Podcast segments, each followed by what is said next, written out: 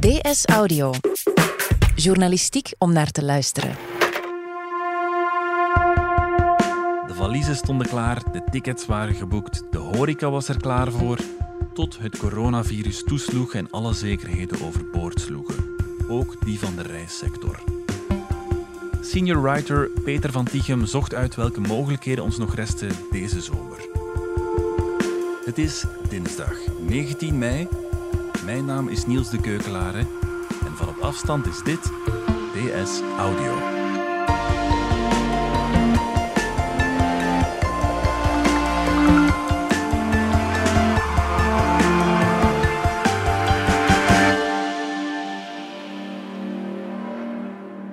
Het huisje staat uh, voor de zee eigenlijk. Volledig zicht op zee en aan de achtergrond uh, de bergen. El Roque de los Muchachos, het hoogste punt van het eiland. Bomen en planten en het zicht ook, de rust. Uh, ideaal. Hoe dat zou moeten zijn, denk ik. Uh, het is het huisje van mijn opa geweest. Het was, nog niet, was eigenlijk bijna klaar, maar nog, nog niet. Zijn er nog details die ik moet afwerken.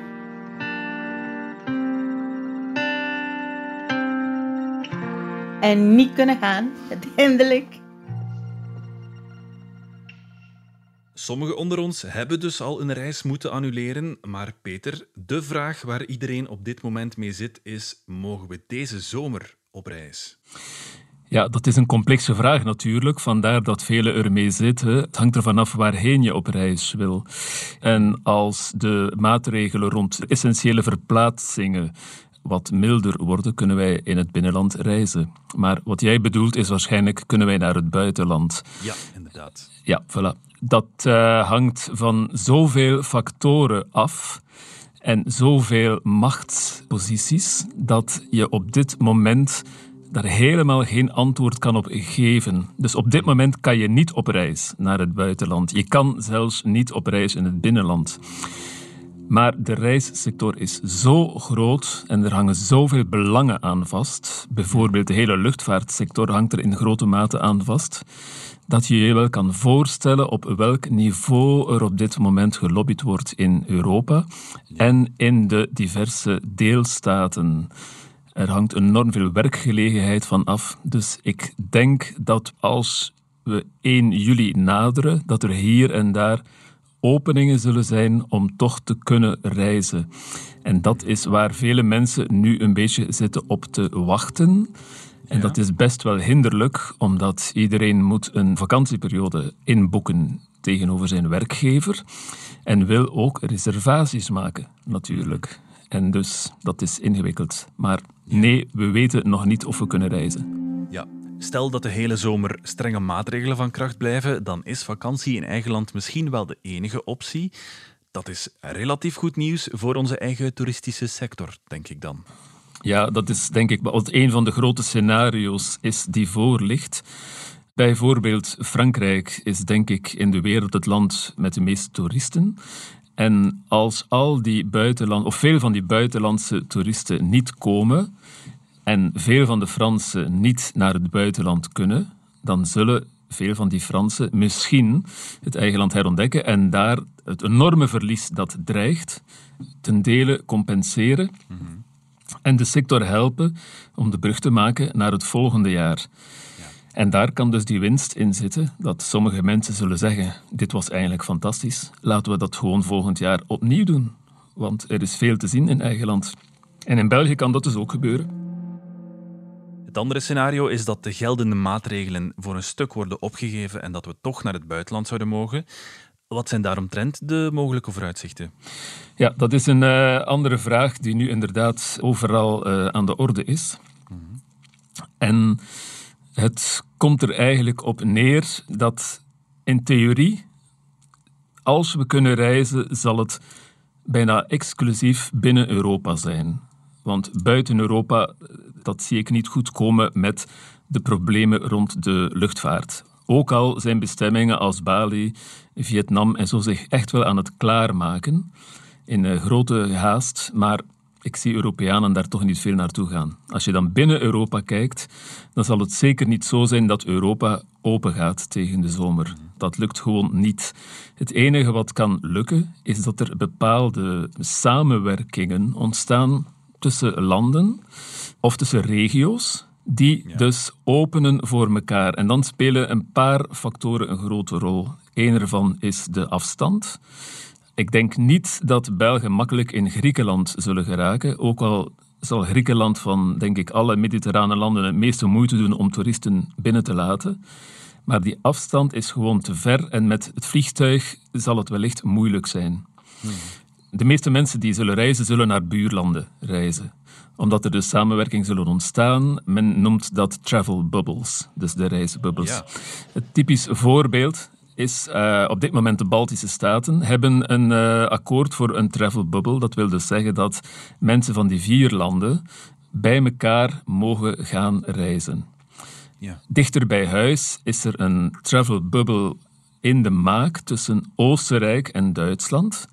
En die is heel interessant. Oostenrijk heeft een paar weken geleden voorgesteld aan Duitsland om toeristen uit te wisselen. En Duitsland heeft dat toen geweigerd. Wellicht omdat ze wachten op een uh, advies van de Europese Commissie. Dat is er gekomen, dat advies. En dat is heel interessant, omdat Europa zegt als de incidentiegraad van het coronavirus, dus hoe een land het coronavirus beheerst, als die ongeveer gelijkaardig is, is dat een goed scenario en dat is bij Duitsland en Oostenrijk het geval. En in dat geval kunnen Duitsers naar Oostenrijk gaan met die verstande dat het alle mensen zijn die in Duitsland wonen. Met andere woorden, hoeveel Turken wonen er in Duitsland? Ik weet het niet, maar als ze daar wonen, mogen zij ook naar Oostenrijk. Zie je? Ja. Geen discriminatie, dat is de Europese wetgeving. Een ander punt is dat er ook geen discriminatie mag zijn op een ander punt. Oostenrijk als het zijn grenzen openstelt voor één land, in dit geval Duitsland, omwille van het feit dat de incidentiegraad dezelfde is, moet het dat ook doen voor andere landen met dezelfde incidentiegraad. Met dezelfde graad van coronaveiligheid. En dus zo mogelijk ook België. Nee, want wij hebben helemaal niet zo'n goed rapport als Oostenrijk. Maar bijvoorbeeld, ik zeg maar iets, heel veel landen in Oost-Europa hebben wel een vrij goed rapport. Ik denk voor de vuist weg. Kroatië zit vrij goed, denk ik. Griekenland is eigenlijk ook een goede leerling. Dat valt op. Die zouden dus in theorie ook naar Oostenrijk mogen. En zo zullen geleidelijk aan wat bubbels ontstaan. En dan zal je volgende vraag zijn: zitten wij Belgen ook in zo'n bubbel, denk ik? Absoluut. Ja, wel, dat is dus nu koffiedik kijken, maar er zijn onderhandelingen aan de gang tussen België en Nederland. En tussen België en Noord-Rijn-Westfalen. Noord-Rijn-Westfalen, dat is dus het zuidwestelijke deel van Duitsland, met als hoofdstad Düsseldorf en Keulen en zo. Dat zou dan betekenen dat wij naar Keulen mogen, maar het zal vooral betekenen dat de Duitse mensen die daar wonen bij ons naar de kust kunnen komen. Maar die kust is natuurlijk al heel erg belaagd. En zo zullen er waarschijnlijk wel wat uh, spanningen ontstaan. Dus als ik het goed begrijp, de landen die niet ver van elkaar liggen en een gelijkaardige incidentiegraad hebben, zoals dat dan heet, die kunnen een reisbubbel vormen. Is dat iets dat de Europese Unie bedacht heeft? Nee, die travel bubbles, dat is iets dat spontaan aan het opwellen is. Al wekenlang is dat bezig vanuit uh, die diverse deelstaten en de Europese Unie moet daar advies geven. En het is op dit moment onduidelijk hoe bindend dat advies is. In theorie zijn die adviezen niet bindend, maar soms raken ze zozeer aan Europese wetgeving, bijvoorbeeld rond discriminatie, dat ze daardoor dan wel weer een min of meer bindend karakter krijgen. Ja, het is een nieuwe situatie voor iedereen, voor alle landen. En je ziet duidelijk, men is aan het zoeken van hoe zal het gebeuren. Het is ook opvallend bijvoorbeeld dat Europa zei, het hoeft niet per se een akkoord te zijn tussen landen, het mag ook een akkoord zijn tussen regio's. En daar is ook wel veel voor te zeggen. Bijvoorbeeld Spanje zal in theorie heel traag openen voor toeristen, maar schijnt wel open te staan voor mensen uit Zuid-Frankrijk. En dat is natuurlijk omdat je daar veel familiebanden hebt, zoals je ook tussen België en Nederland hebt. En het, dat zal het allemaal een beetje uitmaken.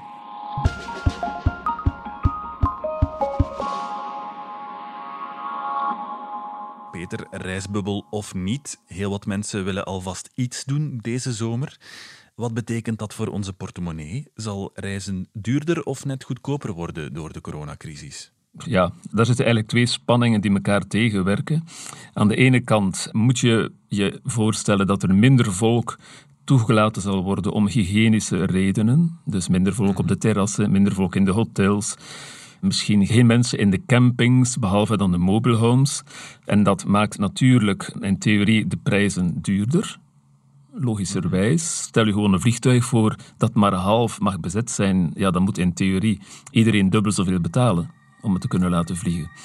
Maar aan de andere kant zit de sector in zo nauwe schoentjes. Je moet weten, van de toeristische sector is 80% kleine bedrijven. Die hebben echt geen overschot. Vele zullen failliet gaan. Dus het is daar pompen of verzuipen. En dan heb je die grote maatschappijen die ook enorme klappen krijgen en die moeten zien te overleven dit jaar. Als Lufthansa al in slechte papier zit, dan weet je het wel. Nou, dan kan je verwachten dat er fel zal geconcurreerd worden om de toeristische omzet die mogelijk is naar zich toe te halen. En dan kan je bodemprijzen verwachten. Bijvoorbeeld, ik las in een krant dat Dubai al uitpakt om toeristen toch nog te lokken via de luchtvaart met werkelijk ongezien lage prijzen. Ja, financieel gezien zien de landen de toeristen waarschijnlijk graag terugkomen, maar kan het ook praktisch en ja, is het wel veilig? Dat is ook een punt. Hè. Eh, de Griekse eilanden bijvoorbeeld zijn natuurlijk heel kwetsbaar, omdat die niet de capaciteit hebben om zieken op te vangen. En uh, elke, elke zomer overstroomd worden door uh, hordes toeristen. Dus als ik het goed begrepen heb, zullen een aantal van hen daar maar heel, heel moeizaam open gaan. In Spanje bijvoorbeeld is gebleken uit een onderzoek dat de helft van de mensen toeristen liever niet ziet komen om veiligheidsredenen. En het is ook interessant te weten dat de hele problematiek van de hotels van twee kanten gaan bekeken worden. Aan de ene kant kan je zeggen, nou ja, die hotels moeten hygiënische maatregelen nemen, zullen social distancing moeten respecteren, zullen alle moeite van de wereld toch hebben om boven water te blijven. Maar ik heb een rapport gelezen over Frankrijk, waaruit blijkt dat een aantal restauranthouders en hotelhouders gewoon niet zullen open doen, omdat ze het te risicovol vinden. En als ze al die maatregelen moeten respecteren, dan kunnen ze gewoon geen niet voldoende omzet maken om het personeel te betalen dat ze nodig hebben om dat hotel voldoende veilig te maken. Als je dan een voldoende reserve hebt om het enkele maanden uit te zingen, dan sluit je gewoon en ga je volgend jaar in april opnieuw open. En dan probeer je ondertussen misschien je hotel te renoveren of uh, iets anders te doen. Ja, als daar de middelen voor zijn natuurlijk. Ah, wel, dat is precies het punt. Hè. Sommige mensen gaan compleet over kop gaan en anderen kunnen het wel even uitzingen. Ik denk dat we dat niet moeten onderschatten, dat een aantal uh, gastheren, om het zo te zeggen, dat geldt ook voor Airbnb bijvoorbeeld, gewoon uh, een jaar verstek zullen geven. Veroorzaakte die aangepaste zomervakantie spanningen tussen de landen onderling? Ja, er is inderdaad uh, een toeneembare spanning te zien, vooral in het zuiden van Europa, waar uh, het economische belang van het toerisme heel groot is. En die landen zijn allemaal tuk om toeristen binnen te halen deze zomer. En sinds uh, het afgelopen weekend zie je zelfs dat er een soort uh, koers bezig is, een soort opbod tegen elkaar. En dat werd het meest duidelijk toen zondagochtend bleek dat Italië plotseling zijn toeristen binnen zou laten op 3 juni. Dat is bijzonder snel, want Italië is dus zoals bekend een slechte leerling in de coronaklas. Dat is zo exuberant eigenlijk, dat daar toch iets achter zit. En dan moet je de situatie een beetje bekijken, en die is heel typisch voor wat op dit moment in Europa gebeurt. De voorbije weken hebben Kroatië en Griekenland redelijk veel directe en indirecte reclame gemaakt voor hun toeristische zomer. Die zou beginnen op 15 juni, zeker op 1 juli. En de beelden die we maandag gisteren zagen, bijvoorbeeld van de heropende Acropolis in Griekenland, en de stranden van Athene in het weekend versterken dat natuurlijk alleen maar. Dus die Italianen, waar de toeristische lobby heel sterk is bij de regering, die hebben natuurlijk gedacht van ja, als de belangrijke markt van de Duitsers uit zijn doppen kijkt, dan gaan die allemaal beginnen boeken in Kroatië en in Griekenland. maar die komen normaal ook tot bij ons. Dus wij moeten duidelijk maken dat wij wellicht ook open zullen zijn. En dan zeg je niet van, oh, misschien zullen wij halverwege jullie ook open zijn. Dan zeg je gewoon, nee, we zijn open, punt. Ook al betekent die datum van 3 juni op dit moment, en straks waarschijnlijk ook nog, dat je geen idee hebt hoe je er dan kan geraken. Dus dat is nu eigenlijk bezig in Europa. En gisteren bijvoorbeeld heeft de Duitse minister van Buitenlandse Zaken, Heiko Maas, uh, verzamelen geblazen in een videoconferentie met een achttal van die landen, eigenlijk het hele Mediterrane bekken, om daar een beetje uh, orde op zaken te stellen omdat al die landen bezig zijn met travel bubbles te maken, reisbubbles, uh, unilaterale akkoorden of zelfs bilaterale akkoorden, afspraken tussen landen eigenlijk. En Maas heeft eigenlijk min of meer gezegd dat dat hele opengaan voor toerisme, dat dat meer gecoördineerd moet gebeuren en dat gezondheid altijd voorgaat op economie. Of we moeten natuurlijk gewoon creatief zijn en middelen zoeken om veilige reizen mogelijk te maken. Zo schreef je onlangs ook een artikel over de opmars van de mobile home. Ja, het uh, motorhome, het, de kampeerwagen, zoals we dat officieel moeten noemen, is al jaren natuurlijk in opmars. We hebben er in België nu 60.000, privé-eigendom, in Nederland 120.000. En er komen er elk jaar in Europa 200.000 bij. Hm. Dus dat is twee dingen samen natuurlijk. Dat is transport en de, het logies. En eigenlijk de restauratie ook.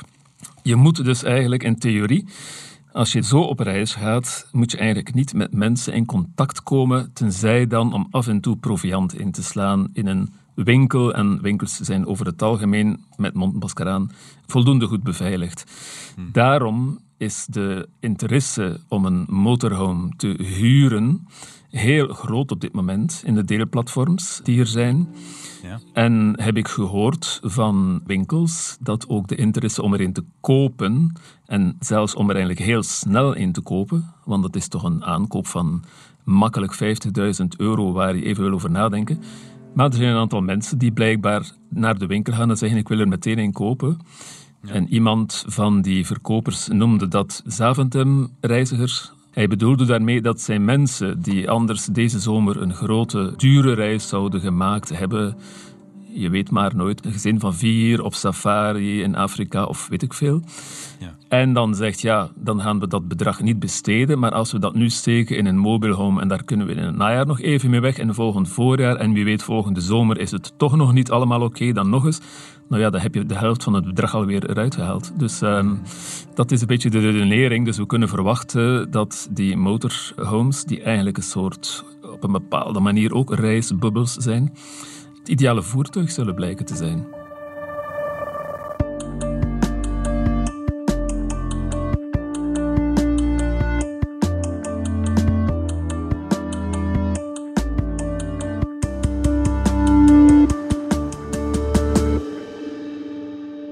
Zeg Peter, waarom houdt die reisvraag ons zo bezig? Waarom reizen wij zo graag? Wat betekent dat voor ons? Ja, dat is eigenlijk iets wat we een beetje als een verworven recht van onze levensstijl beschouwen. Je kan je ook wel voorstellen dat dat vroeger niet zo was. En het is zeker de jongste 10, 15 jaar heeft het een globale dimensie aangenomen mhm. door de evolutie van de luchtvaart. En denken we een beetje dat het hoogst normaal is dat we even naar Bali vliegen of de Machu Picchu gaan bezoeken. Dat is natuurlijk niet zo. Als je even nadenkt, geen keizer in het verleden van de mensheid heeft zoveel reismogelijkheden gehad zoals wij nu met een gemiddeld jaarloon hebben. Waarom we graag reizen, dat is denk ik omdat we graag de impact ondergaan van nieuwe ervaringen, overweldigd worden door andere culturen, met mensen, met natuur en met cultuur in contact komen. Dat verrijkt ons, dat verstrooit ons en eigenlijk als je het zelfs neurologisch beschouwt, is reizen, is de zomerreis vooral een soort beloning voor het harde werk van het jaar dat er aan vooraf gaat. We zijn zo ver dat we in de winter ook eh, vaak een reis ingeboekt hebben als een soort tussentijdse beloning. Maar de zomer is natuurlijk wel de echte reis, omdat het reisgevoel dan meegaat met het klimaat. de warmte, de voeding bijvoorbeeld, wat er allemaal beschikbaar is aan fruit en groente, wat er allemaal op tafel kan komen. De zon, het licht, het overvloedige licht de hele dag, dat paard gewoon met het reizen. Ja. Kunnen we diezelfde voldoening halen uit een vakantie in eigen land? Wel, ik denk van wel, maar het is wennen. Bedenken dat de mooiste ervaring daar zit bij dingen die we nog niet kennen. En als je er even over nadenkt, jij bijvoorbeeld, ken jij heel België? Ken jij het Meetjesland? Ken jij de omgeving van Ronse? Ken jij de, de Lommelse Sahara? Weet jij in het Heuvelland, in de Westhoek daar, dat het landschap er eigenlijk een beetje uitziet zoals Toscane? Ik klink als een toeristische clip, ik weet het. Maar dat is wat nu echt kan gebeuren in Europa en wat op een bepaalde manier heel fijn zou zijn. In Frankrijk, in Spanje en Italië zijn heel veel politici nu bezig, en toeristische diensten ook, zijn heel bezig om aan de bevolking te zeggen: herontdek uw eigen land. Dit is het moment. En dat heeft vele voordelen, omdat daar natuurlijk, als we even weggaan van de kusten en van de bekende toeristische plaatsen, dat daar natuurlijk nog veel overblijft. We hoeven niet per se duizend kilometer te rijden, snel, snel, om daar dan de gemiddelde zeven nachten te verblijven en dan snel, snel doorheen de files terug, terug te rijden. Zie je het eens anders. Blijf dichter, maak niet zoveel haast, doe het langzaam aan en geniet van plekken die je niet kende. Dus uh, je hebt een andere mindshift nodig. Maar stel nu dat we niet echt veel naar het buitenland kunnen reizen, dan zullen we dit wel moeten doen. En het kan een sensationele ontdekking zijn, eigenlijk deze zomer. Ja, oké. Ik ben alvast benieuwd. Dankjewel, Peter. Graag gedaan. Dit was DS Audio. Wil je reageren? Dat kan via dsaudio.standaard.be. Deze aflevering hoorde je Peter van Tichem en mezelf Niels de Keukenaren. In de extra geluidsfragmenten hoorde je Maribel Rodriguez Hernandez. De redactie gebeurde door mezelf en Fien Dillen, de eindredactie door Anna Korterink en Annelies van der Roost. Brecht Plasgaard deed de audioproductie en schreef de muziek die je hoorde in deze podcast. Chef audio is Wouter van Driessen. Vond je deze podcast interessant? Weet dan dat je er elke werkdag één kunt beluisteren. Dat kan via de DS Nieuws app of via standaard.be-audio. Je kunt je ook abonneren via iTunes, Spotify of de podcast app van je keuze. En als je daar dan toch bent, schrijf gerust een review. Ook anderen de weg. Morgen zijn we er opnieuw.